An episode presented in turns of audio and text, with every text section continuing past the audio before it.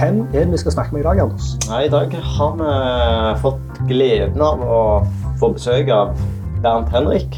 Bernt Henrik Kommedal. Hvem er han? Det er en designer som eh, en grafisk designer som jobber i Fasett, som jo er en av de hva skal jeg si, tyngre reklamebyråene i større Og det eldste og et av de mest velrenommerte Ja, i, i byen. Stavanger-regionen. Ja. Så det er veldig kjekt å få han på besøk. Og grunnen til at vi inviterte han var jo fordi at eh, vi har en slags oppfatning om at den, hans bransje ligger litt bakpå med digitalisering. Og så skal Mm. vi da Og universell utforming. Ja, ikke minst. Skal vi da finne ut om det Om han kan bekrefte eller avkrefte den eh, myten. Mm. Skal vi bare få gang? Få gang.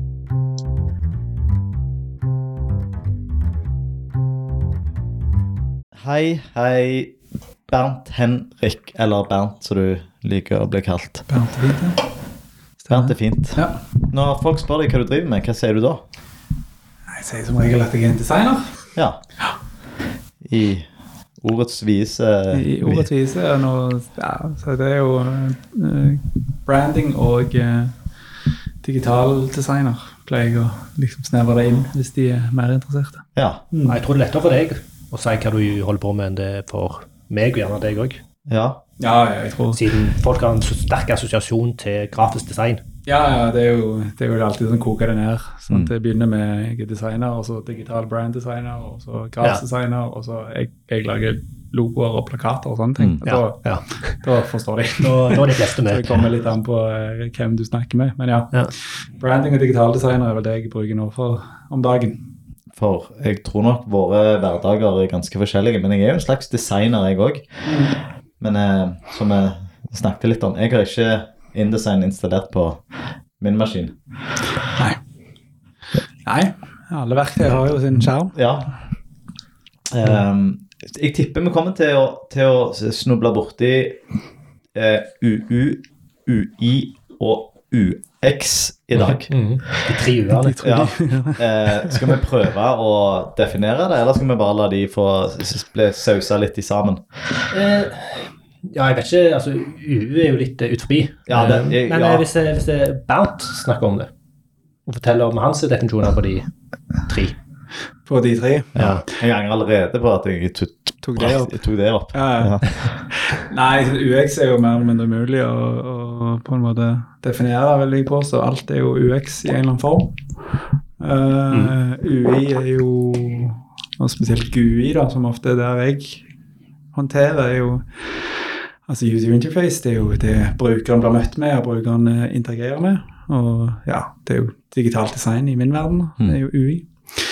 Eh, UU er jo en slags eh, retningslinje eller eh, lovverk som skal hjelpe brukere til å bedre lese og bruke verktøy. Eh, om det er brukere som er, har dårlig syn eller andre hemninger som gjør at de, de ikke kan lese lysegrå tekst på hvit bakgrunn. Det. Så det er UU, da. Det er jo mer et slags rammeverk eller, eh, for å hjelpe både designere og brukere til å ha bedre eh, produkter. da. Bruker du mye lysegrå tekst på hvit bakgrunn? Og vel, veldig mye i kyssefasen. og så må jeg begynne å skalere det, eller bare få øke kontrasten mer og mer, eh, nærme meg eh, produksjon. Ja. Så eh, det er jo, det er jo Fordi at det kommer sånn UU-folk og sier at hei, hei, hei. Nei, det er jo litt, litt erfaring, da. Altså, du vet jo i 99 av tilfellene vi holder på med branding, så skal jo dette fungere på en digital uh, Mm. flate. Og da ender det jo alltid opp med, med, med, med å se på fargene på nytt. Mm. Så måten jeg jobber med nå, spesielt når jeg jobber med branding, er at det første jeg gjør, er å kjøre gjennom kontrastanalyse for å se hva farger som jeg har valgt ut nå. begynner der? Ja, nå har jeg begynt å gjøre det. fordi ja. at det da Istedenfor å si å, nå må vi gjøre brandet svakere og Ja. velge dårlige farger, så begynner vi med å si disse fargene er gode, og de fungerer i forhold til Ja. UU. Så da trenger vi ikke liksom lage egne farger til UU, eller Ja, Så- hvor, hvor lenge har dere gjort det på den måten, da? Eh, jeg har vel gjort det det siste ja, to årene, kanskje. eh, Ja. Cirka. Um, Før gjorde jeg det kun hvis jeg visste det var liksom en kunde som hadde et digitalt produkt eller skulle ha en app eller et eller annet. Ja. At jeg var litt mer selektiv. Men nå er jeg litt sånn alle, alle trenger det på et eller annet nivå. Ja. Uh, og så kan det godt være at vi lager noen presentasjonsmaterialer eller sånn veldig branda ting hvor vi kanskje er litt mer liberale. Mm. Men da er det jo mer i en kontrollert form uh, Mm. enn at det er liksom her er et produkt, og hvis dere ikke kan bruke det, så er det synd for dere. Mm. Og det, det funker jo ikke i dag.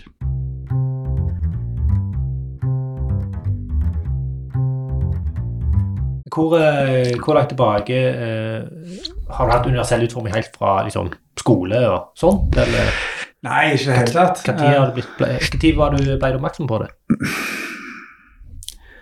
Godt spørsmål. Jeg tenker i 2014 Det var jo oljekrisen. Mm. Da hadde vi oppsigelser i Procontra, og så begynte jeg å jobbe frilans. Og da, eh, når du er frilanser, så gjør du jo på en måte det som du kan for det som er oppgaver som trengs å løses. Ja. Um, så da heiv jeg meg inn i liksom sketsj og hele den Mm. uh, verden, og begynte mer med uh, si, UI-komponenter og designbiblioteker, og begynte liksom å lese meg opp på det og, Mm. og designe det. Og med en gang du begynner å nærme deg den verden, så blir du fort oppmerksom på Mm. hva regler og ting folk prøver å forholde seg til. Mm. Og så begynte jo UU å bli en større og større del av eh, miljøene rundt meg, og utviklermiljøene, og det ble Mm. liksom Ja, begynte plutselig å bli stilt krav, da. Det, så da Ja. Så jeg vil si rundt sånn 2015, kanskje, at det var liksom en veldig Mm. dominant del av eh, språket som Mm. vi holdt på med. Men det tok jo ganske lang tid før det på en måte ble en naturlig del av, av måten å tenke design på. Mm. Så, så det Det var nok litt lett i starten å bare si det får utvikleren fikse. Altså, Ja, ja. ja. Men jeg jeg spør, stille deg samme spørsmål, Anders. Hvor lenge siden du begynte å tenke på UU? Um, nei, altså når jeg begynte å interessere meg for web, eh, så, så leste jeg alle spesifikasjonene fra V3C. Ja, eh, og, sant, og det var, dette her var jo i eh, Dette her var jo i slutten av eh, 90-tallet, Ja. så jeg leste jo gjerne Jeg leste jo VKG på slutten av 90-tallet. Mm. Så det- var ganske tidlig. Så eh, Ja. Ja, da er du eh, tidlig ute. ja. Du var ikke så gammel heller, sånn. Altså, Mm, ganske tidlig i karrieren din òg. Ja, ja, ja. Gammel og gammel. Jeg var jo eh, Jeg var jo i slutten av tenårene. Ja, ja. Ja. Så, så jeg har hatt det med meg. eh, eh, men jeg har jo hatt, jeg har jo hatt eh, eh, teorien med meg mye lenger enn jeg har jobbet med det. Ja. Ikke sant? Det var jo Det nytta jo nesten ikke å snakke om om universell utforming eh, på den Mm. tida. Altså det, det var jo helt andre eh, Du prøvde, Ja, erindrer jeg. ja, jeg prøvde jo å Jeg brukte jo universell utforming som et salgsargument når, jeg, når vi prøvde å selge nettløsninger sånn på midten av 2000-tallet, Mm. og det var jo ikke lett eh, selgbart. Så Mm. Det var bare å bake det inn som en del av kvalitetsarbeidet eller håndverket. Men, Mm. men eh, Så det går, eh, det går langt tilbake. Ja. Men hvordan er det i reklamebransjen? Altså, hva eh, Stiller kundene deres krav til universell utforming, eller dere sier at det her må dere passe på? Det er varierende. Eh, veldig ofte de litt Nå har jo vi hatt en del sånn kommunale kunder og litt Ja. mer sånn offentlige Og de er flinkere på det? De, ja, de krever det uten at de Ja. alltid vet hva de krever. Så Ja. sier de 'følger dette UU', og så er det litt sånn Ja, det gjør det. Som om det er en av-på-knapp. Ja, ja. Ja. Ehm, så de, de er nok mer obs på det, og så har du mindre kunder som eh, Ja, der sier vi bare at vi, vi har fulgt liksom EU-reglement, og, og så er de sånn Å ja, ok, så fint. Mm. Eh, så det er veldig sånn, varierende fra kunde til kunde og størrelse Mm. og behov. Og Opplever du eh, UU som en hemsko? Står i veien? Ja og nei. Um, I starten gjorde jeg nok veldig det. Jeg tror det var et stort frustrasjonselement ganske lenge. Og jeg, altså, til den dag i dag, hvis jeg skal ha gult eller oransje Mm. som en knapp, så, så, Mm. så blir jeg ganske irritert over hva valører jeg må i før det faktisk blir godkjent. Ja. Så av og til så ja, men uh, mer og mer så litt sånn som jeg nevnte, at det har, det har liksom blitt en del av måten jeg designer ting, at jeg ser på kontrastene og vet at det liksom, hva er det som fungerer. Mm. Så nå ser jeg det mer som en sånn Det er bare en teknisk spekk jeg må følge. Mm. Før var det sånn Herregud, må jeg tenke på det òg.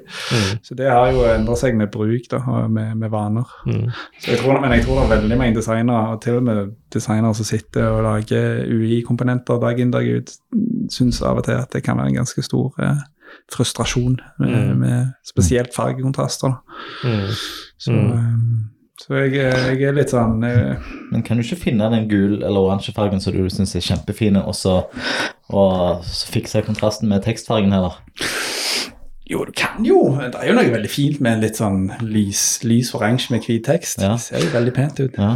Uh, men uh, sånn, du, du kan ikke Det ser er- veldig pent ut, men du ser det ikke. Nei, men det er jo det, sant. Og det, da kan du ikke Du kan jo ikke tenke sånn da når du skal lage et brukervennlig produkt. Sant? Eh, Så som sagt, altså, noen flater når vi lager ting til kunder hvor vi har kontroll, og vi vet at liksom, det kan godt være at vi tillater oss det. Mm. Men, men på ting som vi sender ut på den vide verden og mister litt kontrollen på hvem som ser, så, så må vi jo forholde oss til gode kontraster. Mm. Og det er alltid veier rundt. altså Du må jo Du kan jo tenke kreativt. altså Mm. Bare fordi du har en warning-boks, betyr ikke at den må være rød eller oransje. altså Mm. Du kan jo Mm. du kan bruke andre farger, liksom. Mm. Så det er jo det er jo heller å tenke på ok, dette funker ikke, da må vi se på en mer en ut-av-boksen-løsning som følger Det er ikke, er jo ikke en sånn, eh, sånn saying at kreativitet blomstrer når du får begrensninger.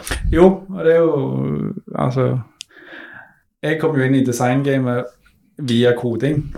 Det var liksom sånn jeg ble interessert i design. Og det var jo det der med at du hadde et rammeverk du måtte forholde deg til. Altså Ja. sånn, Hvordan kan jeg få det til å se finest ut innenfor det rammeverket? Mm. Og det tror jeg jo alle kunstnere og designere, og, altså, uansett hvor teknisk eller kunstnerisk du er, så Mm. setter du deg et regelsett eller eh, et konsept eh, som Mm. skal være rammen for det du gjør. Så det er jo det at du må prøve å så ta det til deg at dette, det, dette er rammene mine, så må jeg få det beste ut av det ut ifra det. da. Mm. Så det, og det er jo det jeg har blitt, eh, eller vi i alle fall har- i Fasett har blitt bedre til, å se det på en sånn Dette rammen vi har, og så skal vi lage det beste produktet ut ifra de rammene. Er det mm, Er det godt nok hos dere? Hva mener du? Fokuset på universell utforming. Å ja, nei. Nei, det er det ikke. Um, Når du sier dere, har vi snakket noe om hvem dere hvem er? dere er? Nei, Han har vel kanskje ikke introdusert seg selv? Nei, Ikke så skikkelig. Nei. Nei, Vi snakket om det før vi spilte inn. Ja. dette Ja. skulle vi ha spilt inn, og så Ja. spilte vi ikke inn. ja.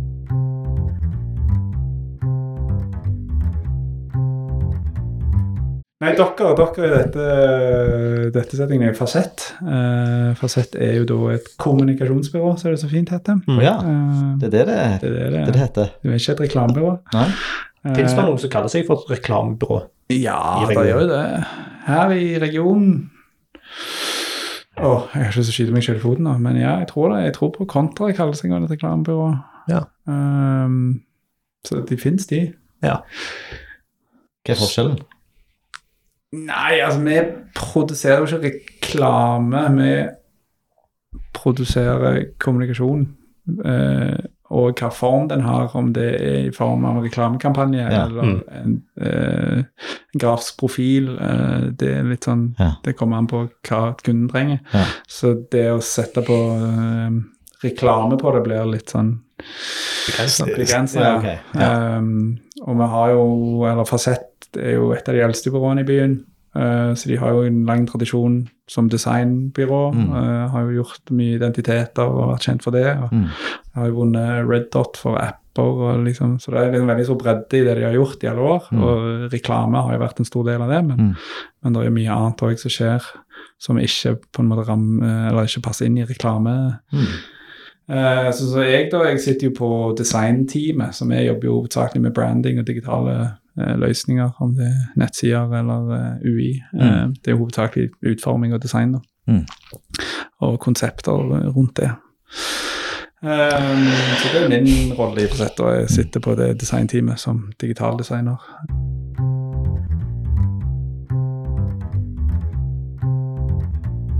For å dra litt tilbake til det du nevnte med disse knappene, og av og til litt irriterende at en måtte At en ikke får velge det fineste og sånn, så, så er jo eh, VKG er jo veldig svart-hvitt. En sier jo der at alt må ha minimum eh, en gitt kontrast. Eh, men mens der kommer det gjerne gode nyheter med kommende VKG 3, da, Mm. der du graderer ulike ting. Så der du kan si at denne denne juridiske båndteksten her, den er, den er faktisk så lite viktig at vi kan tillate oss å ha lav kontrast for den. Mm. For dette, den er ikke viktig for at løsningen skal være brukervennlig. Eh, så at en kan gjøre de graderingene, det tror jeg blir eh, godt mottatt av mange. Ja, det vil jeg tro. For det er det som er at eh, du kan Altså, Det er jo alltid et hierarki i eh, fargebruk, f.eks. Ja. Eh, hvis du vil at noe skal være viktig i noe annet, så Mm. toner du ned den ene eller andre. Ja. Når du da har et regelsett som sier nei, nei, Alt må være en tydelig. så blir jo ingenting viktig. Nei, og da går det jo viktig. på bekostning av den kognitive opplevelsen av, Ja, ja. av det du ser på. Ja. Ok, her må du gjøre en Mm. vurdering sjøl. Hva er det som er viktig? Ja, det er jo bra. Mm. Og det er jo det som er fint med mm, min opplevde realitet av UU, og det er jo det at det er jo et sånn levende sant? Det kommer mens vi går, og alle lover begynner jo litt hardt, og så finner vi ut at det er jo ikke Mm. sånn det fungerer i praksis, Mm. og så må vi bøye og strekke og fjerne litt. Og så, Mm. så det er jo eh, det, er det positive. Og det krever jo òg at som, som designer og som byrå så må vi jo være obs på det og faktisk holde oss oppdaterte. fordi plutselig så sitter du med regler som ikke er aktuelle lenger, eller ikke fungerer lenger. så. Mm. Det er jo et veldig spennende felt å, å, å duppe tærne i i ny og ne, og liksom Mm. se hva som beveger seg. Mm. Jobber du med teknologer eh, i fasett eller eksternt? Eller hvordan samarbeider du?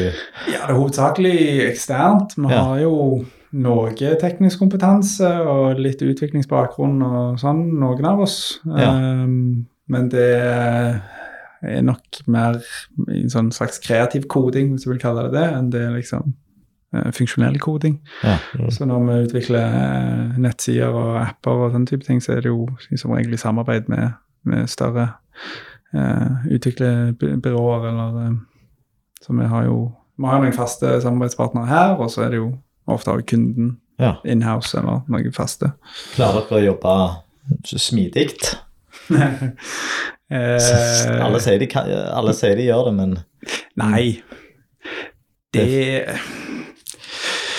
Det veier veldig fra prosjekt til prosjekt. Jeg uh, syns jo ofte når vi lager nettsider, altså sånn skreddersydde nettsider fra scratch, så syns jeg det går ganske greit, for Ja. da har vi såpass mye kontroll. ja.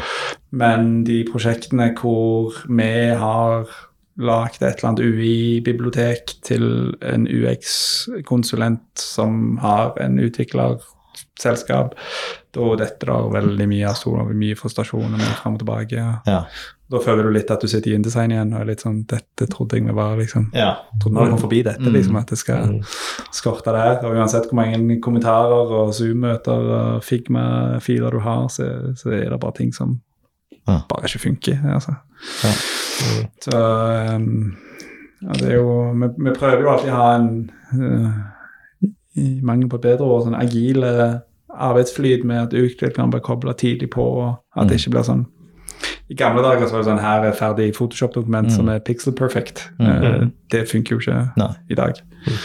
Uh, men realiteten er jo at det ender opp med at vi designer ganske mye ferdig før, ja. før utvikler blir kobla på. Det er min opplevelse òg, at en liker å tro at en jobber Ja, ja, det, og det jo litt mer effektivt enn Det må jo være ambisjonen. Ja. Og du må jo fortelle deg sjøl at det skal vi gjøre hver gang. Ja. fordi Hvem det er, er viktig. Men hvem som må skjerpe seg?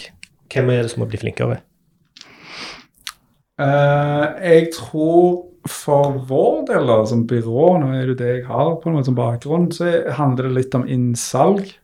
At Mm. når vi begynner nettsideprosjekter, Mm. før vi liksom sier det koster x tusen, og så må vi kjøpe noen Mm. utviklertimer, så må vi si vi må koble på utvikler nå. mm. Mm. Og så ha oppstartsworkshops eller møter med utvikler. Mm. Og så kan godt utvikleren jobbe på noe annet eller stikke av og komme tilbake om en måned eller to. Men, Mm. Men at vi som byrå og som rådgivere må liksom være litt tydeligere på at utviklere må inn nå. Mm. Det kan godt være at det føles ut som det er penger som dere ikke har lyst til å bruke på andre ting, men Mm. for at de har en forståelse for hvor vi vil, Mm. og, og kan òg gi Det er jo ofte spesielt eh, men med en del seniordesignere som kanskje ikke liker digitale, så blir det jo drømt opp noen produkter og funksjonaliteter og, Ja. som, som blir jo fine i en prototype eller i en Mm. animasjon eller i, i konsept, men Mm. utviklingsmessig så er det jo enten kan det bare ikke la seg gjøre, eller så koster det jo en halv arm. Mm. Mm. Tenk deg sjøl å være utvikler og bare få Dette her skal du lage, men Mm. du har ingen makt over å påvirke eh, utgangspunktet. Ja, ja. Det, det, det det, det, dette har du jobba med, Mm. og så Ja, du, du, altså det er jo samme som å sitte Jeg har jo så det som Altså fått levert eh, Hva skal vi si Wireframes fra UX-designere som Ja. er sånn Fargen disse boksene, vær så snill. Ja. Og så sitter jeg og tenker sånn ja, Men dette funker jo. Dette, dette kommer ikke til å funke. Dette er jo elendig ja. uh, interface, liksom. Dette blir ikke bra. Men da er det sånn Nei, nei, det er dette vi skal ha. Ja. Sånn. Mm. Så det, jeg har jo vært i den situasjonen, så jeg prøver jo alltid å sjøl å koble utvikler på så tidlig som Mm. mulig for å få Jeg foretrekker jo Et produkt blir jo bedre av at andre fagfelt får lov til å liksom Mm. stikke fingrene litt i det. Mm. Mm. Dette er jo gammelt nytt, da. Det Bryte ned siloer og snakke Ja, ja, mer sammen med mennesker og la oss eh, ordne opp en voksen måte.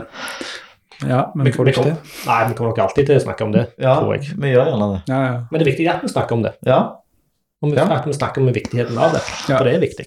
ja, det ser jeg jo uh, med byrå i verden, det der med å liksom sitte med en junior i 22 år som sitter med processing og har kun jobb i Figma, og så Mm. sitter med liksom en senior som er 60 og har jobbet i InDesign. og Mm.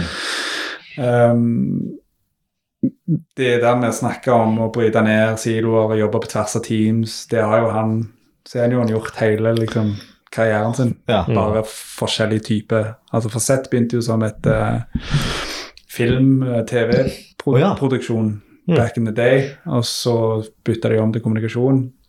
Uh, da òg var det jo det liksom, hvem er det vi skal jobbe med i film, og hvordan skal vi få manusfolk, og hvordan skal vi Ja. Mm. så det, er jo, det, det var jo samme problematikken Ja, ja. i liksom 1988. Men det er bare forskjellige ja. fagfelt. Mm. Eh, og så lenge jeg tenker jo, så lenge du har lyst til å utvikle deg, så har du lyst til å jobbe med andre fagfelt og har lyst til å, å bryte ned i siloene Ja, og, og bli bedre kjent. Så det er jo en sunn, sunn ting å snakke om, Ja. til tross for at det kanskje kan virke repetitivt og litt sånn har vi ikke kommet lenger.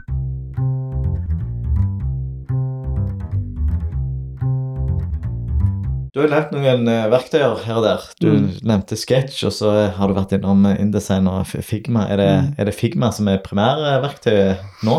Det er Figma, ja. Ja. Uh, Iallfall på alt digitalt. Så det er Figma Illustrator det er vel det jeg jobber hovedsakelig, og After Effects for så vidt. ja. Mm. Så det er det det går i. Hvordan blander du det? Hva gjør du i Illustrator, og hva gjør du i Figma? Illustrator for meg, er, og det er kanskje litt fra min utdanning, og sånn, er jo et legeplass. Så der kan jeg tegne fritt, og liksom, jeg tenk, trenger ikke tenke så mye på sånt jeg har. Begren det er ikke, er ikke begrensninger der. For, for meg er liksom Illustrator et uh, blankt ark på en pult, Ja, ja. så det er bare å gå, gå amok. Ja. Um, Figma har blitt bedre, syns jeg, med tanke på vektortegning og den type ting. Jeg synes Før var det veldig restre, sånn restrictive til Ja. liksom grids og komponenter og den type ting. Nå føler jeg det er litt friere, men, men i Figma så, så er det mer um, ja, layout-basert og mer sånn komponent og tenker mer systematikk da, Mm. i, i Figma. Mens eh, ja, After Effects er jo animasjon, så det er jo For designere bruker bruke hva verktøy de vil i fasett, eller prøver de å være samstemte? Ja, altså Dopepakken har jo alltid vært uh, stapelen, i alle fall siden uh, hva var det det heter, Quark, som jeg aldri har vært borti. En, eh, Quark Express. Quark Quark Express, ja. ja. Før det røyk ut. Uh, så har jo alltid uh, dopepakken vært grunnpilaren. Um, og så har vi hoppet litt, altså. Vi, vi hadde jo sketsj når jeg begynte. Hadde det lenge og liksom fikk godt innarbeida sketsj. Ja. Og så gikk vi jo egentlig over til Åh, Hva er det det heter? XD. Nei, nei, Nei. Studio, et eller annet. Invision, Ja. Invision Studio. Invision? Studio, ja, ja. Prøvde det litt. Det, Det var vel aldri sånn fullblods Det var aldri særlig bra. Det var veldig bra til å lage prototyper og animasjoner, Ja, ja. den type ting, men ellers var det ja, De lagde jo en sånn Figma-type ting. Ja. Det var jo en egen greie. Ja. Det, Mm. ja. XD hoppet jeg litt sånn inn i på et tidspunkt for å prøve, med tanke på at det var i Adobe-pakken, at men jeg syntes det var så eh, elendig at jeg hoppet fort ut. Ja. ja. aldri, Ja, det var I begynnelsen var det helt ja, for det var i beta. eh, lenge. Det var i beta i fem det, år eller et eller Ja, det orket jeg bare ikke. Det var, det var så dårlig. Så da, og nå har liksom Figma blitt så standard som mange andre plasser. Mm. Og det har jo blitt større og større. og liksom Både prototypemuligheten og, og det her med sånn collaboration er jo Mm. for meg. Ja, dok, i deres eh, UX i Norge-undersøkelse så er det vel Figma som er Den tronen, markedsledende. tronen på toppen, ja. Ja. Mm. Absolutt. Husker du prosent? Nei, Nei. det gjør jeg ikke. Gjør ikke. Men når dere begynte med den undersøkelsen, så var det vel Sketch som var størst, og så Det tror jeg du har rett i. Ja. Det Ja. var 2017 vi begynte. eh, Bruker du noen sånne UU-hjelpemidler i Figma? Der er jo et, et, et eh, Ja. jungel av eh, jungel av moduler og Nei. Eh, jeg moduler. har fire-fem installert uten at jeg kan huske navnet på noen av dem. Ja. Eh, men jeg har den hva er det den heter? Contrast, som Mm. er jo egentlig en, eh, Den er jo på, på Mac-en, det er jo ikke i Figma. Det er jo i toolbaren oppi Mac-en. Mm. men der nå, Her skal du få et lite tips. Mm. Når du plukker farger i Figma med den, Mm. så er det feil farge.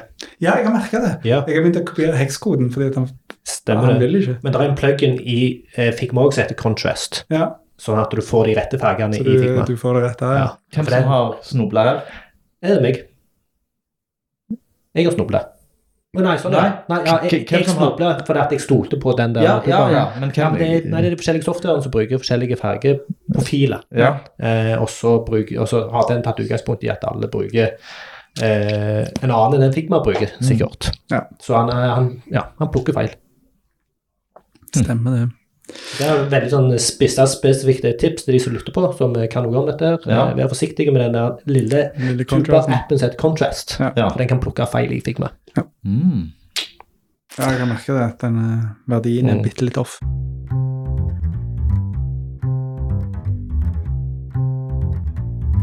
Har vi noen andre sånne konkrete tips eh, til til designere som nå hører på? Eh, du har jo disse Figma-plugginsene. Du har jo eh, anbefalt en Ja.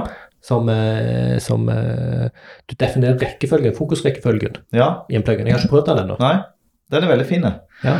Og jeg burde jo huske hva den heter nå. Ehm, men den heter Ja, det husker jeg jo ikke. Nei, Men eh, han ble lagt til i eh, i episode, episodelenkene. Så jeg klarer å finne den fram. Ja. Mm. Eh, og sånn du presenterte den, så var det at eh, når du bruker den, så blir du veldig bevisst på hva rekkefølgen skal være. Mm. Sånn at du får en annen bevissthet rundt det grensesnittet du lager. Ja.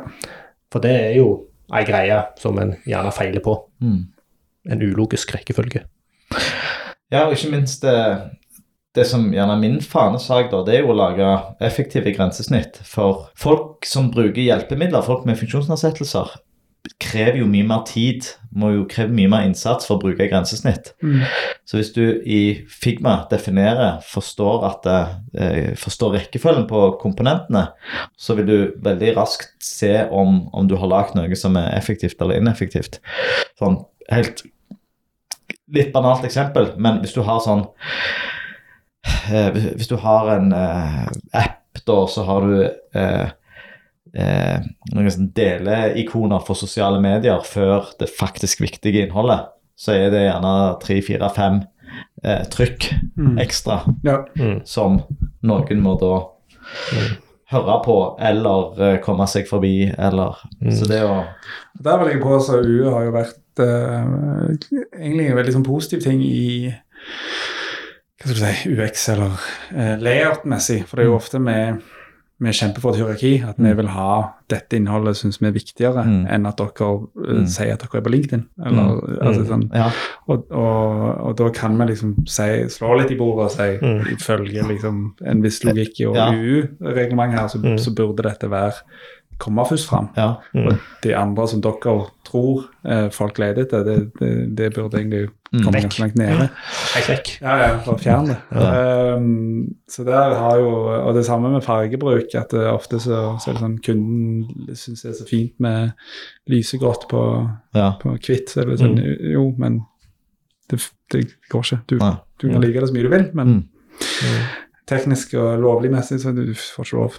Har du havna i noen sånne konflikter på litt sånn av den styggere typen? Der du Ja, jeg har hatt eh, Jeg har hatt eh, noen Uten å gå for mye i detalj, men ja, jeg har hatt et møte som endte med litt sånn sprøling og slåing i bordet. Ja. Og, og det, var jo, det, var, det var jo med en annen designer, da. Det var Ja. ikke med, med kunden. Okay. ok. Eh, dette er jo noen år tilbake, da, men, men da var det det at jeg var bare sånn jeg, Det er jo ikke det at jeg er uenig med deg at det ser fint ut, men det er helt ubrukelig om vi kommer til å få slakt hvis vi Det gjaldt konkret kontrast. Ja, ja. Ja. Og det gikk på liksom fargebruk og kontrast og størrelse. eh, Forhold, ikke minst. Det var liksom All brødtekst skulle ned i liksom ti punkt. Men var det sånn var ikke det en rar designtrend? Ja, helt vill designtrend. Det, det, var jo, det var jo enstemmig. Ja, ja. Alle syns at dritliten tekst var det var det fineste. shit. Ja, ja. Det var ganske vilt. si Gjerne i all caps med litt sånn ekstra sånn uh, Ja, spacing. Ja, ja. Så det var jo veldig bra. Um, Jeg, jeg, jeg, jeg prøver å finne en uh, navn på en video Um, som er ganske relevant til det vi snakker om nå. Ja. Uh, og det handler om Egentlig handler ikke om det, men han snakker om det òg. Mm. og han snakker om noe som heter, heter cognitive ease. mm. Altså hvor lett du tilegner deg informasjon, ja. uh, og hvordan informasjon som det er lettere å forstå, framstår som mer sann. ja. Altså det er ikke bare Ja. lett, lettere å lese, men det, det er jo, du får mer tillit til det. ja, ja. når det er lettere å lese. Ja. Uh, så det uh, Vertassium heter han her fyren eller et eller annet. Eh, Men jeg skal, til episodelekene skal jeg finne den videoen, for den, er- den er ganske spot on. Og nok et argument for hvorfor en bør gjøre ting lettleselig. Ja. Mm. Det er ikke bare UU, det har med andre ting å gjøre. Ja, det, det er jo litt morsomt å se på nett, altså Internettet generelt har jo vokst opp. Sant? Å, å gå fra Flash og liksom den Mm. lekeplassen som var, var internettet før. Det var kjekt, da. Det var jo kanonkjekt. Savner det jo litt òg, men, men nå har det blitt et verk, altså det er jo et verktøy, og det er jo, det er jo Altså En grass designer hadde jo ikke designa en bok med liksom fem punkt i all caps på hver Mm. side. Nei. Mm. Uh, og det er jo den mentaliteten designer må ta på seg, at dette, er, en, dette er en bok, liksom. Eller dette er en, Du skriver tekst Ja. når du skal leses. ja, dette er en publikasjon som Ja. noen skal kunne lese, Ja. og ikke bare folk med supergodt syn, Mm. f.eks. Uh, og den mentaliteten der begynner jo å bli uh, mer normal, Uh, men det er jo mange som ennå har den der litt sånn dette er min lekeplass, og nettsider kan være så ville som vi vil. Eh, Mm. og Men vi skal jo tillate det òg, til en viss grad. Oh, ja, ja, det gjør vi jo òg, men det er jo litt sånn rett og rett tid, tenker Ja. jeg. Mm. Ja, ja. Har du en Um, personlig portefølje der du bare vil gå helt bananas Ja, ja. i teknologi og utforming? det er jo det, Vi lager jo av og til kampanjesider og mer sånn one-off-reklamesider. Og Da er det jo litt mer løst. Da Ja. er det jo, litt sånn, da er det jo en opplevelse du Ja. skal Det, At, eh, det er så- forskjell på kampanjesider og eh, et søknadsskjema etter pappapenger. Ja, det er jo det. Ja. Um, så jeg husker jo når vi, vi holdt på med UiS sine sider i to runder. Um, og der òg var jo det en sånn stor diskusjon, liksom. Mm. Hva Skal du gi et inntrykk av Stavanger som by og campus, og hvordan det er det å være i Stavanger, og liksom Mm. lokke til seg? Eller skal det være eh, et sånt bibliotek for eh, all Mm. akademien som er der, og hva du kan liksom teologisk og teoretisk og Hva lander dere på? Den løsningen i dag er vel mer enn den andre, vil jeg si. Mm. ja. Stavanger som by. Nei, altså Nei, den er, ja, ja, den er ja, veldig uh, informativ Ja. og, Mm. og lite Men UiS US har alltid vært ganske flinke, har de ikke det? Eller? Jeg har alltid hatt sånn godt inntrykk det. Vi Ja. hadde jo, vi har, de går jo på anbud i ny og ne, så vi har ikke disse kunder lenger. Men vi hadde de kunder i noen år, og jeg syns jo de var um, Kommunikasjonsavdelingen der og, og de folkene var, der var veldig uh, flinke både Ja. på at eh, de visste hva de måtte forholde seg til, og de, de hadde litt lyst til lek. Og, Mm. så jeg syns de, var- de hadde rett mindset og var flinke. Mm. Så, Mm. Så eh, får vi se. Jeg er jo spent på Jeg syns jo alle universiteter burde jo strengt tatt hatt nett, samme nettside. Ja, og der åpner du ei eske. Det er ganske mange bransjer og kommuner og skoler og barnehager og som bare burde hatt eh, en, en eh, felles plattform. felles plattform. Mm. Det er kanskje jeg, Kanskje jeg drar strikken litt langt, men restauranter òg. Ja. Ja, det har du merket godt Hvor mange. PDF-menyer har du lasta ned fra ei restaurantnettside? Ja, ja, du merker òg det med disse QR-kodene. Hvor Ja. mange eh, bestillingsløsninger Ja. Mm. plutselig fins. ja. Mm. Men forhåpentligvis så troner jo en fram som den beste. Er det bra, det? Mm? Er det bra, det? Ja, jeg vil jo det. Jeg vil jo standardisere det. Altså, det er bra at den starter bredt, Mm. Eh, men, men eh, at, den, eh, at en, går bredt, og at den får få aktører. Ikke nødvendigvis én, da, Mm. men, men for mange likestilte aktører, det er for mange likestilte som feiler på så mye. Ja. Og det er jo veldig lett å tenke på disse sparkesyklene igjen. Sant? Vil vi ha Vil du måtte gå innom fem apper hver gang du skal ha deg en sparkesykkel? Mm. Jeg vil ikke det, men Nei. noen syns det sikkert er helt greit.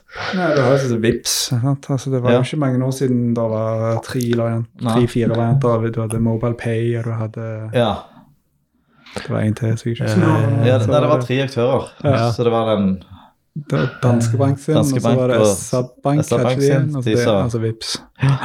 Der òg er det jo- Altså, Vips er jo Av og til er det godt med et lite monopol. Ja, ja, det, det er liksom Ja, men det, eh, det som er fint med Vipps, er at de er jo i konkurranse med de store internasjonale aktørene. Mm. Så de har den konkurransen. De er nødt til Ja, de- å være på og levere eh, verdi. Mens hvis, en tar, hvis alle kommunene har det samme systemet, Mm. eh, og noen har fått liksom leveransen på det, er sånn, Mm. ja, da kan vi gjøre som vi vil. altså Vi kan Mm. slappe av og vi kan ta det litt uh, rolig.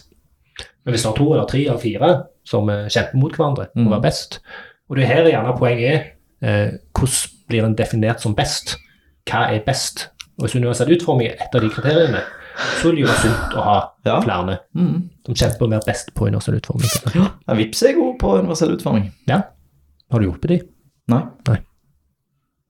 Men de vant jo pris i fjor, Ja, de og NRK, i hvert fall. Ja. så Det er jo, og bare ta NRK, da. altså Det er jo eh, et motargument i seg sjøl. Mm. De har jo ikke liksom, de har jo konkurranse, men de kan jo gjøre som de vil. mm. Men de er veldig flinke Mm. på disse tingene. Ja. De har sikkert noen krav òg, selvfølgelig. Fra, ja. Men Mm. allikevel.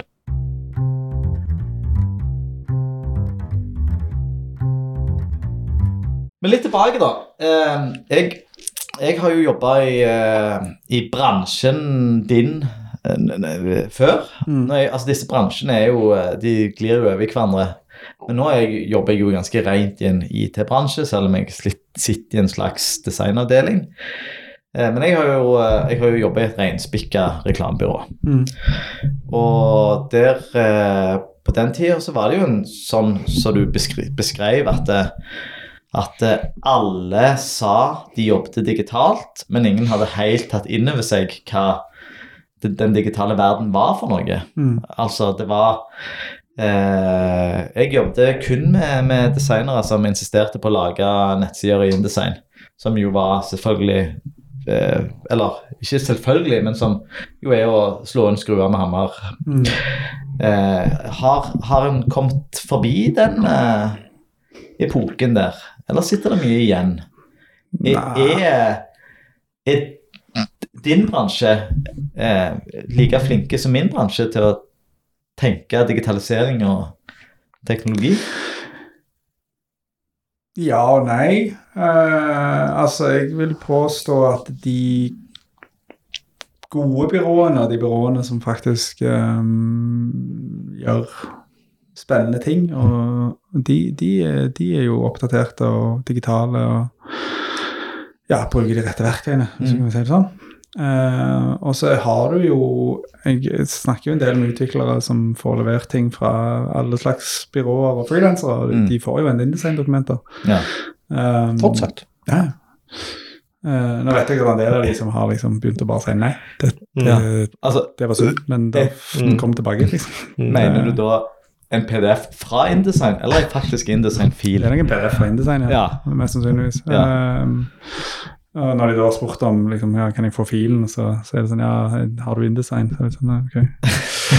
så mm, du finner de da. men Ja. så, jeg vet ikke, jeg tenker jo den, Det er jo ofte kanskje de- designere som er veldig spissa. Altså De Ja. har en, en veldig god kompetanse innenfor Ja. tradisjonell gravsdesign. Ja. Så det er jo ikke det at de er dårlige designere, det er bare det at de har ikke en de har ikke et nettverk rundt seg eller designer rundt seg som, som viser dem at det, dette kan vi faktisk gjøre på en skikkelig måte. Men Så de er det trenger- litt mangel på selvinnsikt da? At ok, jeg er designer, så derfor kan jeg designe eh, til alle slags flater? Ja, jeg tror nok det. Jeg tror, tror eh, Grafs design i sin tradisjonelle form bikker jo fort over i, i kunst. Mm. Uh, og det er mange grafisk designere som tenker at liksom, jeg er en kunstner, jeg har frihet til å gjøre det jeg vil, Mm. Uh, og mitt design passer på alle flater. Mm. Uh, Min den- kunst passer på alle flater. Ja, ja, Ja. det er litt sånn uh, litt ja, litt sånn selvopptatt. jeg er så flink at dette fikser noen andre for meg. Ja. Og den mentaliteten der er jo på vei ut. Sant? Ja. Og, og, men det henger jo igjen. Ja. Og Men altså, når du sant, Jeg har jo vært på konferanser med liksom typonerder som sitter og lager de villeste Mm. Ja. Men de sitter jo og lager ting i liksom Python og kodemasse og liksom super, lager superfine nettsider. og så jeg er litt sånn, Den nye designeren, uansett hvor spissa, ja. har jo en eller annen eh, teknisk eh, forståelse som, Ja. som gjør at vi liksom har kommet lenger. da. Men det henger ennå igjen, og det er seniorer. og det er, Men jeg tenker da, da er det jo òg Det kommer jo an på byrået, men det er jo opp til byrået til å bruke den kompetansen korrekt. Mm. Sant? Hvis Mm. vi har seniorer som er sinnssykt dyktige på branding, så skal de få lov til å gjøre det. Ja, og så Mm. heller ha, koble på en eh, junior digitaldesigner eller ko- koble på en utvikler tett på, um, og få brukt den kompetansen skikkelig, Mm. enn å liksom tvinge sant? Det var jo en sånn stor craze med alle designere med koder. Det, det Mm. funker jo ikke. Du tar jo knekken på en hel haug med folk Mm. som egentlig har veldig mye kompetanse og har Ja. veldig mye å Mm. komme med. Men i stillingsannonser så er det fortsatt sånn Ja, at eh, du skal kunne både design og en del database og gjerne litt eh, Kunne intervjue litt og programmere og ja, være en kløpper på identitet og De Ja. skal jo alltid ha jeg syns det er ganske ja. interessant å se stillingsannonser, eh, spesielt fra eh, tradisjonelle byråer. Ja. For det, Mm. de skal kunne alt. ja det, de, det, de spør etter mennesker som ikke fins. Ja, ja. Plutselig finner du jo noen som har helt vilt Ja, ja. mye kompetanse. Jo, jo. Men du skremmer jo vekk en hel altså Det er veldig mye, det er jo veldig mye unge, ambisiøse folk Mm. som blir skremt vekk fordi at det står Mm. at du må kunne 3D og eh, Mm. CSS og eh, design og InDesign. Ja. Mm. Er det litt sånn det, Og i dag så er jo Du kan jo være reinspikka eh, CSS-koder ja, ja. uten problem, nesten.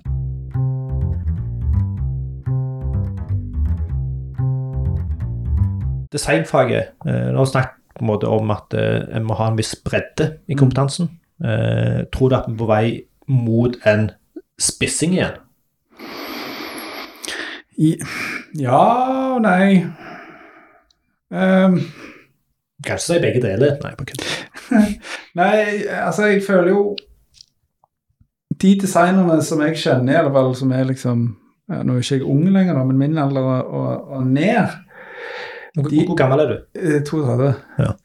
De, Det er de, ungt, det. Slapp av. ja, ja, ja. Kommer an på hvem du svarer. Mange gode år igjen. Ja, herlighet. Jeg har fått en 23-åringer på kontoret, så, synes, så jeg, jeg er den eldste vennen de har, sa de. Så ble jeg litt sånn sånn. Ja. Du har det som et kompliment Det, at du det er var litt stress. Ja. Ja, ja, det er jo det. Så, um, men uh, Og de, der er det jo en veldig sånn nysgjerrighet for ny teknologi og nye verktøy. Mm. Uh, og det er jo ikke det at de nødvendigvis lærer seg eh, verktøyene inn og ut, men de har liksom lyst til å se hvordan kan jeg bruke min kompetanse som logodesigner uh, inn i processing, f.eks., og Mm. liksom få det til å leve. Hva er processing for noe? Processing er en eldgammel uh, kodespråkgenerator. er mye sånn kreativ koding, type generative design, hvor du liksom lager interaktive, grafiske Ja. eh, former og generatorer og sånn. Det skjer ofte innen processing. Ja. Så sånn som nå holder vi på med eh, Lyse, da, der lager, har vi laget en sånn grafikkgenerator. Så når vi skal lage liksom, stillingsannonser, så kan, kan du bare liksom, trykke Command S, og så får du et nytt mønster ut, da, basert på oh ja, som passer i profilen, men ja. som ikke er lagd før? Ja, ja, altså vi har liksom satt et system, altså vi har kodet et system basically, som lager grafikk i forhold til et reglement. Ha, aldri sett. Så det, det er gammelt, eldgammelt, tror jeg. Ja. Ja, nå har jeg lyst til å grave meg ned i det, men det har vi ikke Det er ikke det vi skal snakke om i dag. Nei, det er en helt annen, eh, Ja. helt annen greie. Ja. Men eh, så, så jeg vil jo si at ja, du får spisser fordi at de bruker Altså de blir spissa på sitt fag, men Mm. verktøyene de bruker for den kompetansen, blir Mm. bredere og bredere. Mm. Så det er derfor det var litt sånn ja og nei. Fordi ja, Ja. folk blir mer spissa på uh, spesifikke ting, men Ja. de, verktøy og kompetansen de må ha for å få det fram, blir Mm. bredere. Mm. eh, Er bredere. Mm. Um, og så vil du alltid få liksom bokbindernerder og Mm. typonerder. og det, det, er liksom, og det trenger du òg. Du trenger òg CSS-eksperter og ikke en full stack developer. Og Mm. du, trenger, Mm. du trenger alltid de superspissene. Men generelt vil jeg påstå at eh, Mm. folk blir mer fokusert på fag. Du må, du må kunne eh, mer, du må ha en bred kompetanse for å kunne jobbe spisst. Ja. Mm. for å si det. Ja, godt Så sagt. det fint, fin måte å si det på. Ja, det var du som sa det. Ja. Men jeg, jeg savner litt folk ah, Jeg savner litt at folk er litt sånn bevisst på For jeg spør gjerne folk som jeg treffer, hva, hva har du svart belte i? Mm. Og så Nei, jo, ja, litt samme sånn Litt potet. Ja, hva musikk liker du? Ja, litt av hvert. Ja, Ja, ja. Gi meg nå et svar. Jeg ikke sa, ja. Ja. Ja, jeg har jo Jeg er òg nysgjerrig type og, og har liksom tenkt sånn Å, jeg må lære meg eh, 3D, og jeg må lære meg eh, Ja. animasjon. Og, uh, og da jeg husker jeg begynte på sånn 3D-kurs som bare var superkompleks. Og da skulle du bli sånn Cinema 4D-expert. Og, Ja. og så gikk det liksom to, tre, fire tutorials, og så tenkte jeg sånn Men jeg vil jo egentlig bare gjøre Jeg vil få den ene logoen som jeg har i hodet mitt, til å være i 3D-form Ja. og bevege seg. Jeg trenger ikke lære hele programmet her. Jeg vil bare liksom utforske liksom, den Det er tanken det du trenger. Akkurat det jeg trenger. Så Ja. da bare googler jeg meg fram til akkurat det. Ja. Så jeg kan liksom en brøkdel av veldig mange programmer, men det er fordi det er det jeg hadde lyst til å gjøre. Ja. Så jeg tenker også at eh, folk må ikke være redde for å være nysgjerrige uten at det betyr at de skal bli en ekspert mm, i det feltet. Nei. Det er vanskelig balansegang, det Det er veldig vanskelig. Ja. Mm.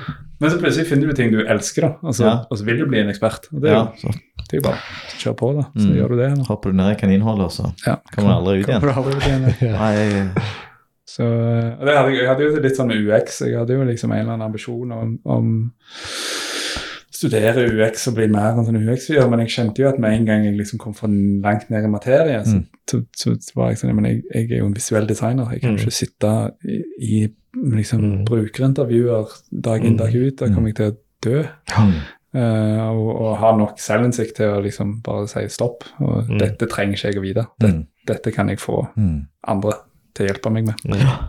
Og så har jeg jo Du, har, du må ha respekt for faget, tenker jeg. Altså andre sitt fag. Ja. At nå, nå vet jeg hva det Nå har jeg Mm. lest nok om det, at jeg vet hva det Mm. Går i. går i, og hvor mye det egentlig krever. Ja, men det, ikke det òg den der Hvor mye koding skal utviklere, nei, designere kunne Handler ikke litt om at du skal kunne nok til at Du kan ha samtaler samtale om det. Du, kan ha samtaler om det, du kan, se, du kan vite litt om muligheter og begrensninger. Du skal ikke nødvendigvis eh, lage ting eh, sjøl, men at du, du, du En sånn En basis ja, jeg, bør en, må en ja, ja. ha. Det, det, det, det er jo, hvis du skal samarbeide med folk, så skal du ha respekt for hva de gjør, og en forståelse for hva de gjør, og ikke en frykt eller ikke en sånn Ja. Skal ikke se ned på det. Så det, jeg tror det du må skrape litt på overflaten på ting du skal jobbe eller Ja. folk du skal jobbe med. Ja. Så, ja.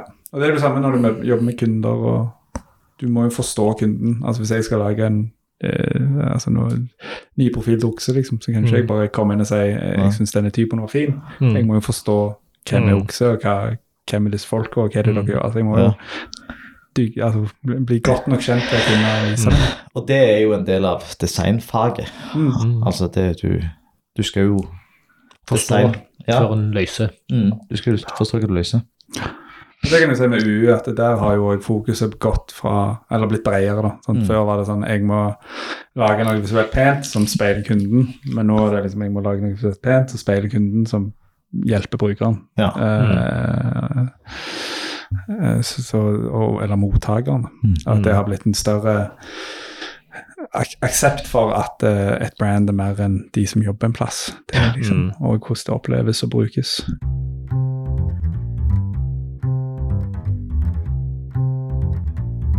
Eh, vi har snakket liksom konkret Hvis vi skal kon være litt mer sånn konkrete om UU, så snakket vi jo litt om, om fargekontrast. Eh, har du noen sånn, eh, Treffer du på andre utfordringer i hverdagen som ikke bare går på kontrast? Men andre hensyn du må ta? Eh, om det er ikoner, Ja. bruk av farge, informasjonsgrafikk, diagrammer eh, Ja, jeg har jo Jeg må innrømme at jeg er relativt lat etter kontrasten. altså Størrelseskontrast og fargekontrast, så føler jeg at jeg har gjort jobben Ja. ganske ofte. Um, og etter det uh, Jeg tror det som jeg savner mest, er jo òg utviklere som um, kanskje er, er mer ubevisste. ja. Um, Fordi litt sånn på samme måte som jeg har lært liksom, kontrast og være obs på det, og, Ja. så trenger du noen som tar deg litt i nakken og sier nå må du huske å liksom, Ja. gjøre, X eller Y, eller Ja. definere Så du vil Et ha reglement. litt du, ja, Så i Ja, jeg- denne dialogen da, så vil du ha noen som passer litt på deg? Ja, jeg eh, Som en kreativ designer som sitter og liksom, lager konsepter og visuelle Ja. ting som skal være litt særegne, som ikke skal passe inn i material design, um, så, så har jeg egentlig ikke så Kreft er vel feil ord, men jeg, jeg, jeg eh, leser meg ikke så mye opp i detaljene i UU. Og Mm. da er det bedre å ha noen på laget ditt som kan fortelle deg hva du burde tenke Mm. på når du utvikler nettsider og sånn. Mm. Og veldig ofte mm, mange utviklerne jeg har erfaring med, har jo litt samme holdning som meg. At vi liksom vi, vi bruker en plug-in og sjekker at eh, kontraster er greit, og at den ikke skriker, den skriker feil. Men mm. uten det så, så har vi ikke så mye forhold til det. Mm. Um, men igjen så er det litt kost-nytte, tenker jeg. Altså Hvis du da designer en app for kommunen, så, Mm. så, så må vi gjøre en skikkelig gjennomgang. Mm. Men hvis vi designer en liksom, splash page for en kampanje, så Mm. trenger vi ikke bruke fire konsulenter til å se på U-en på den. liksom. Nei. Mm. Så, men jeg kunne godt eh, Jeg liker veldig godt den retningen vi har tatt med at U har blitt en større del av liksom, Ja. eh, både kundene og vår, at vi snakker med hverandre, at det er en eh, større del av eh, samtalen. Mm. Eh, det er jo rett vei å gå. Ja, Eh, Og det er godt du sier det, for at eh, jeg har hatt en litt sånn der følelse at spesielt meg og deg, Anders, er Ja. litt ei boble. Mm, Vi òg føler jo at UiO har fått eh, veldig mye fokus i det siste. Men vi har jo lagt eh, tre podkaster og, Mm. og snakket veldig mye om det. Ja, jeg Som vi kan kunne vært oppe. Ja, liksom det. Så det er Ja. godt at du òg ja, ja. Og flere òg har jo sagt det samme. da. Mm. Men de sier jo når de snakker med oss, så de har eksponert for det vi har gjort, så vi vet liksom hva, helt, hva jeg egentlig står. Nei. Nei. Jeg hadde et møte i dag hvor vi skulle holde på med noe skilting, altså fysisk skilt. Ja. Og da var jeg sånn, ja, om dette fulgte liksom universelle utformingskrav, Mm. kom det fra kunden da. Og da var jeg liksom sånn, «Nei, shit, det er jo Ja. ikke, det er jo ikke digital produkt, men vi snakker jo om universelle utforming ut for uansett. Men skilting, der er det jo Kan du jo f.eks. Uh, legge på eh, punktskrift. Ja, Uh, og det kommer vel Eller at det Kommer opp på skiltet. Ja, men Hvis du det er stort skilt lagt oppå veggen, Ja, ja, ja. ja. Så er det ikke vits med men hvis det er sånn Med byggenavigasjonsskilt Ja. Mm. Ja. Ja det er det. I dette tilfellet var det mer et sånn, eh, hva skal vi si, eh, statue, eh, ting. Ja. Mer en sånn wayfinding ja. Ja. Og det syns jeg jo, apropos det, bare for å snakke om noe helt annet eh, Det er ganske morsomt å se på wayfinding og liksom den type tradisjonell grafsdesign. Ja. Mm. Hvor flinke de egentlig var på mange av de tingene som, som digitale designere sliter med. Mm. Så jeg, liksom, dette har jo òg folk gjort Mm. fysisk i mange år, Mm. og lagd forståelige skilt med god kontrast Ja. og god lesbarhet. Mm. Så det burde jo kunne altså Kjære Mm. designer, du burde jo forstå at det, bare se, på, se på det, Mm. bli inspirert av det. Mm. Eh, så det er jo ikke UU er jo heller ikke et sånn nytt fenomen at plutselig skal vi Det har jo alltid vært der i en eller annen Mm. form. Det er jo bare mer um, systematisk nå, da. Ja.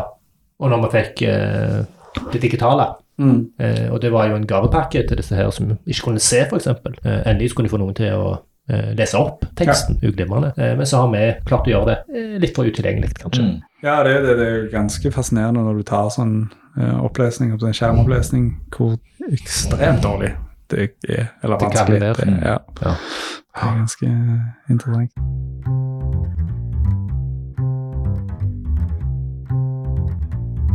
Er jeg har en gammel kollega, han jobb, jeg mener han jobbet for Blindeforbundet i Er han Oslo. gammel, eller er det lenge siden han var en kollega? Ja, det er lenge siden han var en kollega. Nei, det er ikke så lenge siden. 20, 2013. Det er ikke så lenge siden.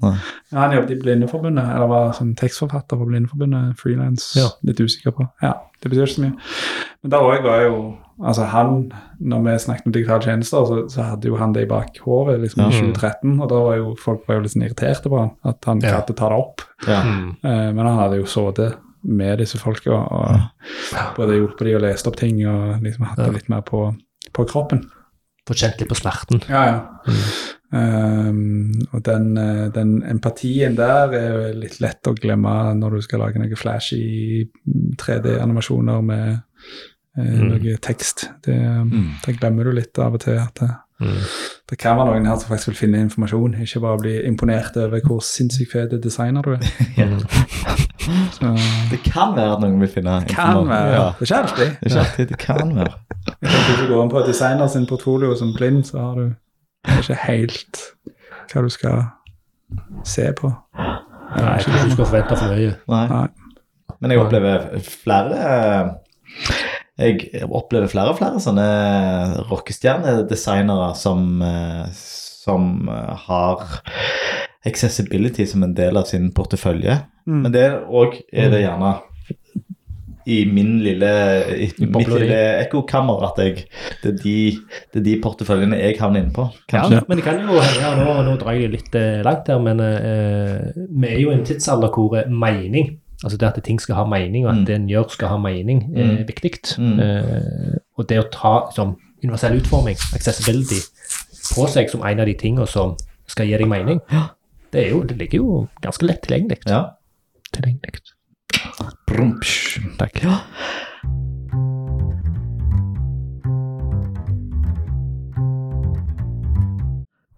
Ok, Er vi ferdige? vi har eh, Snakk om hatt en god prat. Ja, Jeg er veldig fornøyd. jeg òg. Har du noen andre fordommer mot broer du ikke har fått eh, bekreftet eller Nei, avkreftet? jeg Ja, um, hva- Hva, hva fordommer hadde du egentlig Du, jeg var sånn at, at Nei. alle var sånn kunstnersjeler som bare ville lage fine ting? Eller? Nei, nei, det er jo litt sånn eh, Det er jo litt påtatt, disse fordommene, og jeg vet jo, sånn som du sa, med eh, Fasett, sant, som er store og sterke og flinke, har vært i bransjen i mange, mange år. Og vinner priser og står på og jobber med kommunale kunder. Og jeg, jeg eh, betviler ikke deres eh, kompetanse i det hele tatt. Mm. Eh, Så det var mer interessant å høre om at det fortsatt finnes de der eh, småbyråene som gjerne eh, jobber litt på gamlemåten. Mm. Eh, så jeg, jeg er på ingen måte skeptisk til, til bransjen. Jeg, jeg, eh, så jeg, ja, jeg tror vel at jeg har endra litt eh, tankesett. Ja da, eh, det er jo bra. Mm. Ja, og for min, min del òg er det godt å høre at eh, det er en modningsprosess på gang Mm. i kall reklamebransjen. da. Ja, og jeg tror jo òg at uh, det er nok en stund til du ser uh, ugodkjente reklamekampanjer. Det kan Mm. godt være Mm. at det er liksom ganske langt nede i. Men når kommunikasjonsbyråer Altså nå har den digitale hverdagen er så stor del av alt, så, så må vi jo forholde oss til de reglene. Men går det andre veien, da? Altså sånn som okse. Mm. Det er jo verken et designbyrå eller et IT-selskap eller en, en gjerne ligger Eller begge deler. Ja, eller begge deler. Eh, I mitt hode så ligger jo gjerne okse eh, f.eks. litt mellom fasett og webstep, som er her representert. Eh, ja. Mm, mm, ja, skal, skal, skal okay. Spørsmålet til deg er te, Vil dere tenke sånn på okse? Ja, at de er sikkert flinke, de, men de er ikke råe på, på grafisk. Ja. Det vil vi jo. altså Vi, vi, må jo vi må jo være best i et eller annet. Ja, Og for oss er jo det kommunikasjon og design som vi skal være best på. ja, Um, og så er jo UX og UI en større og større del av design som en helhet, så det er jo kompetanse vi må, må kunne og må, må jobbe med. ja. Um, men på samme måte som når, når vi ser at vi får av og til eh, pitcher vi eller får veldig store UX- eller UI-oppgaver, da sitter vi og tenker her må vi liksom få noen som okse, eller vi, vi Ja, snakker det- med ja. Miles. Vi, må, vi kan Dette er ikke liksom Mm. Vi skal ikke sitte og ta på oss hatten at bare fordi vi er gode designere, så er vi Ja. gode UX-ere. For det er, det er et annet fagfelt. Når dere får et uh, identitetsoppdrag, så Ja, det tar vi aldri. Nei. For der er det folk som er mye flinkere enn oss, Ja. sier vi. Så det um, Som er egentlig venner, alle sammen. Alle sammen venner. ja, det, er- det, er- det er litt sånn overlapp i ny og ne, men aldri noe sånn. Og jeg tenker det er jo en større del av framtiden er jo, er jo å ha sånne spissbyråer, sant? Litt som du Mm. snakket om, og, og heller jobbe på tvers. Um, og det er jo kjempespennende, tenker jeg, da, for framtiden. Mm. Eh, og jeg vil jo heller ha en identitetsekspert og en UX-ekspert og en utvikler enn en å ha liksom en som kan bitte litt av alle de tingene. Mm. fordi da kan de mest sannsynligvis veldig lite. Mm. eh, Mm. Til tross for at de kan mye Mm. uten, å, uten å snakke ned om noen. Men Det, bredde er på en måte en kompetanse i seg sjøl. ja. Det å, ha, å kunne litt om mye Mm. kan være veldig verdifullt i veldig mange prosjekt. Ja. Der forsvarte jeg meg, meg sjøl og min egen kompetanse. Mm. ja, det var veldig bra. Takk. Ja. Mm. Min kompetanse er at jeg har syk bredde. Ja. Nei, altså, det, er jo, det, er jo, det er ganske morsomt å sitte altså Nå har jeg jo hatt litt sånn foten i en del leirer, både sånn utvikling og UX, og liksom vært jobbet med en del forskjellige byråer og folk. Og det er jo det jeg ser fordommene byrå, altså reklamebyråer har. Altså Hvis du Mm. jobber med UX, og så sitter du bare og tegner wireframes og spør en bruker Mm. om de liker den knappen eller den knappen. Mm. Og det er litt sånn Mm. Ja, OK, det, det er noen fordommer ute og går. mer enn det. Det, ja, det, det går liksom begge veier, da. Ja. På samme måte som vi sitter ikke bare og Det er gjerne det som er Ja, Ja. Vi burde snakke mer sammen. ja På tvers av, konklusjonen det, det Altså siloene igjen, vet du. mm. Ja, Snakk mer sammen på tvers av siloer. Ja, for det er jo veldig mye produkter som blir lagd nå, sånn digitale produkter, spesielt de siste årene. Det har blitt litt bedre. Har jo vært ekstremt eh, malbaserte, eller sånn Mm. Nå følger vi material design, eller nå Mm. følger vi Så alt har jo bare sett likt ut på en eller annen måte, og alt, alt mister jo en eller annen eh, identitet og personlighet. Ja. Og Gjør det så mye? jeg vil påstå det, ja. For noen ting. Mm. På noen ting, ja. Ja, det kommer helt igjen helt an på produktet. Ja, Absolutt. Men hvis du skal inn på ah, Kanskje et dumt eksempel. Hvis du skal inn på Altinn eller Skatteetaten og levere selvangivelsen, Mm. gjør det så mye at det er identitetsløst? Nei. Der tenker jeg der, Mm. der er det innafor. Mm. Så Mm. det er igjen produktet. Mm. Og så tenk sånn som universitetene, da. Sant? Ja. At hvis, hvis du skal beholde den der um, Bergen mot Stavanger, sant? At Mm. og, Stavanger tjener på at eleven kommer til Stavanger og ikke til Bergen, Mm. så det jo, eh, kan det jo argumenteres for at det er litt synd at alle universitetene ser like ut, uten Ja. at det står et navn øverst. fordi Ja. da får du ikke noe inntrykk av Men kan ikke løse mye av det med gode bilder, illustrasjoner, tekster? Jo, du kan jo det. Eh, men jeg tenker jo òg hvis du har lyst Litt tilbake til det vi snakket om som jeg egentlig er litt godt vi går vekk ifra. Altså disse flashdagene med helt ville, ville nettsider. Ja. Det gir jo et helt annet inntrykk. Og nå som Igjen, da. altså Foto har jo mist, ikke mista verdi, for det har de ikke, men eh, foto har blitt så allmenn. Altså, du har Mm. så sykt gode kameraer. Ja. Eh, du, du kan ta et kjempefint bilde med iPhonen din. Mm. Um, så kravet for å bli imponert som en bruker av en nettside har jo Ja. blitt mye mye høyere, Mm. fordi at du blir eksponert for så ekstremt høyt nivå Mm. på veldig Mm. mange ting. Så et fint bilde har ikke samme verdi nå som Mm. det hadde før.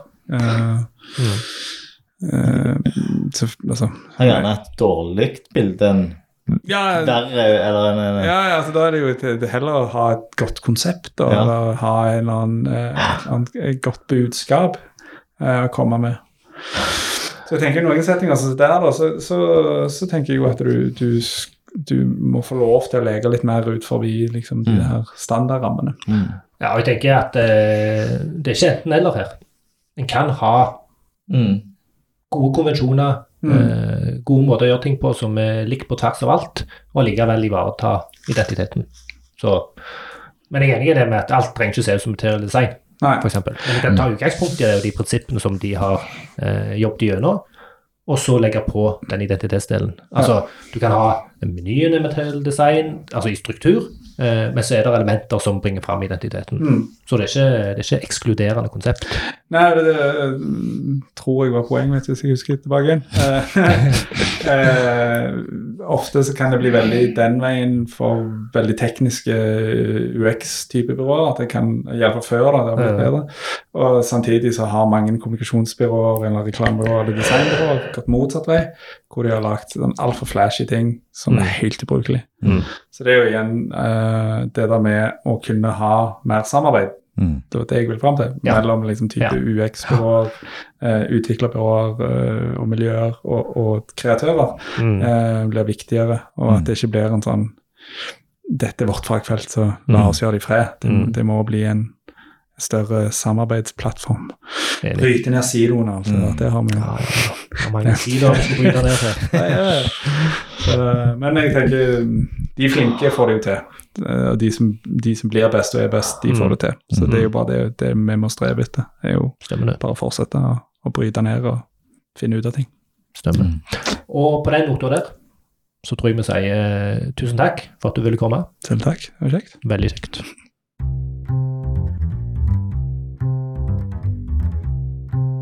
Hva vil du nå si, Anders? Er myten bekrefta eller avkrefta? Ja, ja, jeg vil si avkrefta i, i Ja. stor grad.